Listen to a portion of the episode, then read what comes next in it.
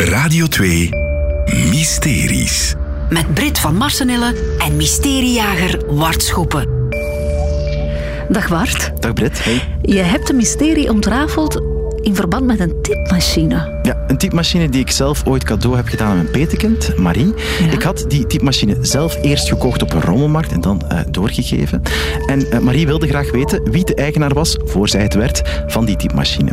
Oké. Oké. Ik ben op zoek gegaan naar die rommelmarkt waar ik die typemachine gekocht heb. Dat was in het Prinsenhof in Gent.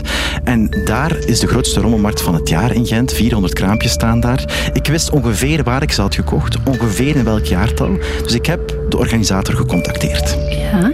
En die kon op basis van wat ik hem vertelde een lijst van 50 mensen opstellen die mogelijk die typemachine aan mij verkocht hadden. Oké. Hij heeft die mensen allemaal opgebeld of gemaild. En? Dat heeft niets opgeleverd, jammer Ah, genoeg. jammer. Ik moest dan aan de slag met nieuwe informatie. Ik ben die typemachine gaan onderzoeken. Het ging om een Duits model van Rheinmetall. Eh, een oud model dat zo in een koffertje zat. Je kent dat misschien wel, zo'n draagbare typemachine is dat. Eh, ik moest daar naar op zoek en iemand eh, wees me de weg naar de boekhandel. De boekhandel Limerick aan het station. En je zou je afvragen, wat heeft een boekhandel nu te maken met schrijfmachines? Wel, daar blijkbaar hebben ze de grootste collectie van schrijfmachines van de lage landen. En die schrijfmachines komen daar eh, terecht omdat ze ooit van de Nederlandse schrijver W.F. Hermans waren. Ik weet niet of die naam jou iets zegt. Nee, eerlijk Ja, gezegd het is niet. nee. een van de grootste namen in de Nederlandse literatuur. Dus dat Oei. moet je toch even, toch even Oh, verandering in brengen. Sorry. En die man die is in 95 eh, overleden, maar die schreef al zijn boeken op schrijfmachines. Ja. En die verzamelde ook schrijfmachines en typemachines. En hij verzamelde er in zijn leven 160. En die 160 staan nu in de boekhandel Limerick opgesteld. Ze wisten daar heel veel over die schrijfmachines van, van eh, de schrijver zelf. Maar er stond geen Rheinmetall bij. Dat was natuurlijk wel jammer, want daar was ik naar op zoek. Het enige wat misschien wel nog zou kunnen helpen, was het feit dat al die schrijfmachines of die typemachines daar in de boekhandel nog werkten. Want die waren dus ooit gerepareerd of gerestaureerd, moet ik bijna zeggen. Want er waren exemplaren bij van eh, begin 1900. En die reparateurs zouden mij misschien wel verder kunnen helpen. Dus eh, de zaak voor de zijn, ik ga die gegevens moeten opzoeken. Ik ga dat eens eh, proberen te bekijken en dan neem ik met jou contact op. Gelukkig had de machine intussen ook al iets anders prijsgegeven. Aha. Ja. Je hebt zo'n machine, dat is met zo'n grote hoes, zoals ik daarnet al zei, die openklapt. Ja. En daardoor kijk je niet altijd goed op die machine. Ik had dat ook niet goed gedaan, want helemaal op de achterkant hing een kleine, ja, hoe moet je dat zeggen, een sticker, een naamplaatje, met daarop de volgende gegevens.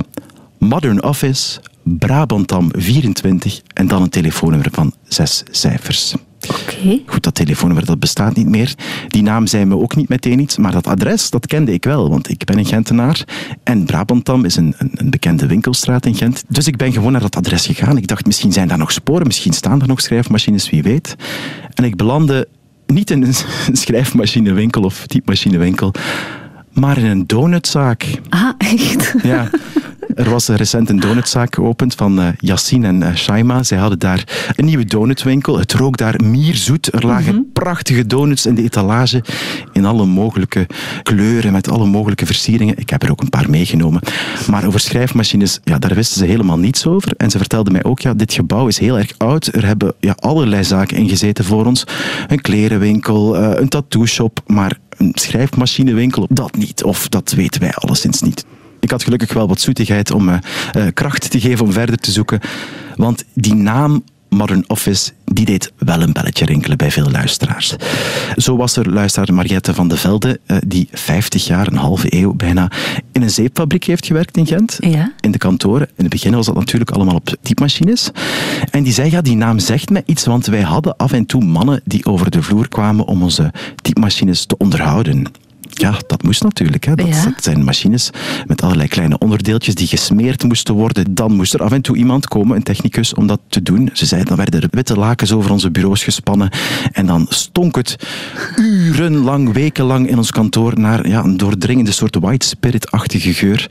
Eh, en dat waren mensen van Modern Office. Dat was het bedrijf dat langskwam om die machines te onderhouden en ook om die machines te verkopen. Dus Ja. ik zat al op het goede spoor. Die Modern Office, daar moest ik verder mee aan de slag. En ze zei dat ze zich nog herinnerde dat die man, die eigenaar van die winkel, een zekere meneer Vlerinks of zo was. Een andere luisteraar reageerde daarop, dat was Marnix Aalman. Die zei, ja, ik ben het helemaal zeker dat je die meneer Vlerik, was het, Pierre Vlerik, moet hebben, want ik ken hem persoonlijk. Ik heb er nog voor gewerkt in Marren Office. Hij was een van die technici die uh, toen op controle moest gaan. Pierre Vlerik was daar de leider van uh, het atelier. Heel strenge man, maar ook echt een krak in zijn vak. Hij kon een hele machine helemaal uit elkaar halen. Dat waren soms wel duizend onderdelen. En dan gewoon opnieuw in elkaar steken, zodat ze beter werkte dan daarvoor. Oké. Vond ik een hallucinant Ja, verhaal. Dat was zo een krak in zijn vak dat zelfs de Gentse politie hem erbij heeft gehaald in het onderzoek naar de rechtvaardige rechters. Oh, hoezo dan? Ja, in dat onderzoek zijn ooit dreigbrieven geschreven op een typemachine. En ja, de politie wilde graag weten op wat voor een soort machine dat eh, gebeurd was. En Pierre Vlerik was zo goed dat hij op basis van een dreigbrief gewoon kon zeggen met welke machine dat gebeurd was. Ongelooflijk. Dus eh, een belangrijk figuur, een man die me ongetwijfeld verder zou kunnen helpen, die misschien ook nog oude documenten had, wie weet, hè, die me zou kunnen vertellen van aan wie verkochten jullie machines en waar zijn die beland. Ik had intussen ook opnieuw telefoon gekregen van Boekhandel Limerick en die wezen ook naar die Pierre Vlerik. Dus al die puzzelstukjes vielen in elkaar. Ik moest en zou Pierre Vlerik vinden. Er was mij ook verteld dat hij nog altijd machines repareert, maar dan aan het Gens Universitair Museum, want daar staan ook heel veel oude stukken. Niet alleen uh, typemachines, maar ook rekenmachines en zo. En hij als krak in zijn vak, die zou dat uh, kunnen. Dus ik belde het museum op. Ik dacht, ja, dat lijkt me makkelijk. Daar vind ik uh, meteen de persoon die ik zoek. Ja. Wel, Brit, daar was ik toch even niet goed van. Want op het moment dat ik belde, meldde de woordvoerder van het museum me... "Maar Ja, Bart, ik heb heel slecht nieuws. Want Pierre is onlangs overleden. Ah, wat jammer. Mijn kroongetuige was er niet meer. Kon het niet meer vertellen, kon me niet meer op het juiste spoor brengen. Het is sowieso een triest verhaal, want ook het museum was natuurlijk een, een, een krak kwijt die machines kon repareren, zoals geen ander. Dus ik wist niet goed meer wat ik uh, kon doen. Maar het museum zei me wel, we hebben heel goed contact met de familie en zij gaan misschien nog iets voor jou kunnen doen. Misschien ligt daar nog in een of andere la een document dat jou verder kan helpen. En zo ben ik in contact gekomen met Veronique Vlerik, de dochter van, die uh, heel graag over haar vader wilde vertellen. Ah, fijn. En ook net bezig was met het ouderlijke huis op te ruimen. Het huis waar nog een atelier was, waar Pierre uh, werkte tot zijn laatste dagen. Mm-hmm. Waar allerlei machines stonden opgesteld. Ik ben er geweest, ik heb het helpen leegmaken. Daar stonden instrumenten waar ik het bestaan niet van af wist. Om kleine vijsjes aan te draaien. Daar was ook die indringende geur, zoals Mariette eerder beschreven had. Die white spirit geur. Het was bijna een schatkamer. We zijn door alle lades gegaan, alle rekken hebben we bekeken. We zijn door de mappen gegaan, we hebben herinneringen opgehaald. Het was uh, een heel mooi moment, vond ik. Ja. Maar antwoorden op mijn vraag hebben we niet gevonden. Dat is jammer. Ik dacht, uh, dit mysterie blijft onopgelost. Ik had heel wat interessante mensen ontmoet, wat ook fijn is natuurlijk. En misschien moeten we niet elk mysterie oplossen.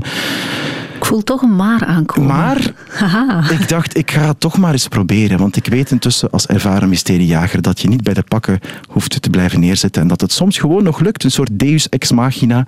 En ook deze keer dacht ik, ik doe een ultieme oproep op de radio. Met al die details mm-hmm. over die schrijfmachine die ik kende. Het bouwjaar, de kleur, draagbaar model, waar het verkocht was enzovoort. En je raadt het nooit. Wat gebeurde er? Er was een luisteraar die me contacteerde. Ja? En die man zei, Richard Lamarck heet hij, ik denk dat het mijn schrijfmachine is. Ma.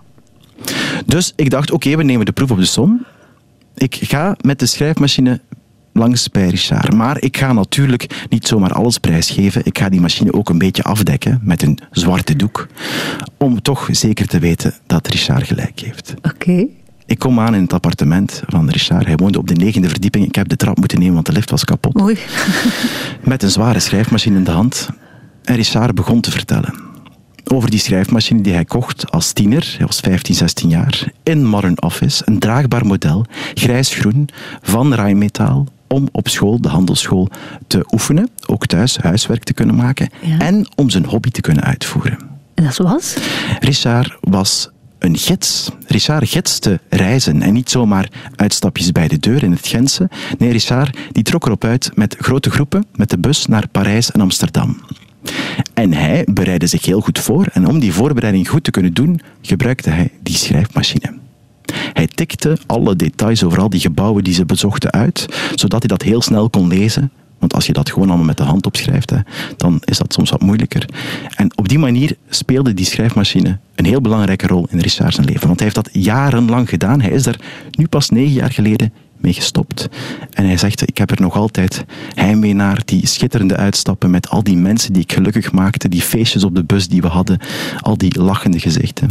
Maar hij zei, ja, op een bepaald moment deed ik dat niet meer, moest de schrijfmachine weg. Ik heb ze verkocht op een rommelmarkt. Was het de rommelmarkt? Ja, ja. Echt waar? Ik dacht, dit kan niet. Ik zette de schrijfmachine voor de neus van Richard. En we hebben de schrijfmachine dan onthuld. Mijn verbazing was enorm groot, want Richard deed die koffer open. Hij begon die machine te beroeren, alsof het iets was dat hij dagelijks deed. Hij maakte daar dingen los. Hij, hij draaide aan knopjes waar ik het bestaan niet van afwist. Hij zei, ja kijk, en dat, dat lint, zei hij, dat lint heb ik vervangen vijf jaar voor ik de machine verkocht heb. Kijk, het draait zo, het draait zo. Het kleur klopt, maar die doos, die hoes is zo vuil. Waar heeft dat gestaan? Waar heeft dat gestaan? Ja, bij mij thuis had het gestaan. Hij zei, ik ben het 100% zeker. Dit is mijn machine. Ongelooflijk. Ik acht het nog altijd waarschijnlijk dat het misschien niet zo is. Maar het toeval zou toch zo groot zijn dat dit Ja. klopt, dat ik toch heel graag wil geloven dat het waar is. Ja, absoluut. Zeg, en eh, je petekindje Marie, Mhm. is ze niet heel erg content dat haar mysterie is opgelost? Ze is heel blij en ze vindt het ook heel fijn dat die machine gebruikt is om zoveel mensen gelukkig te maken op reis. En ze is zelfs, Brit, begonnen met de allereerste rondleiding uit te typen in Gent. Maar kijk, opvolging. Ongelooflijk. Dankjewel, Wart, om het mysterie op te lossen. Graag gedaan. Meer mysteries? Volg alles in de Radio 2-app.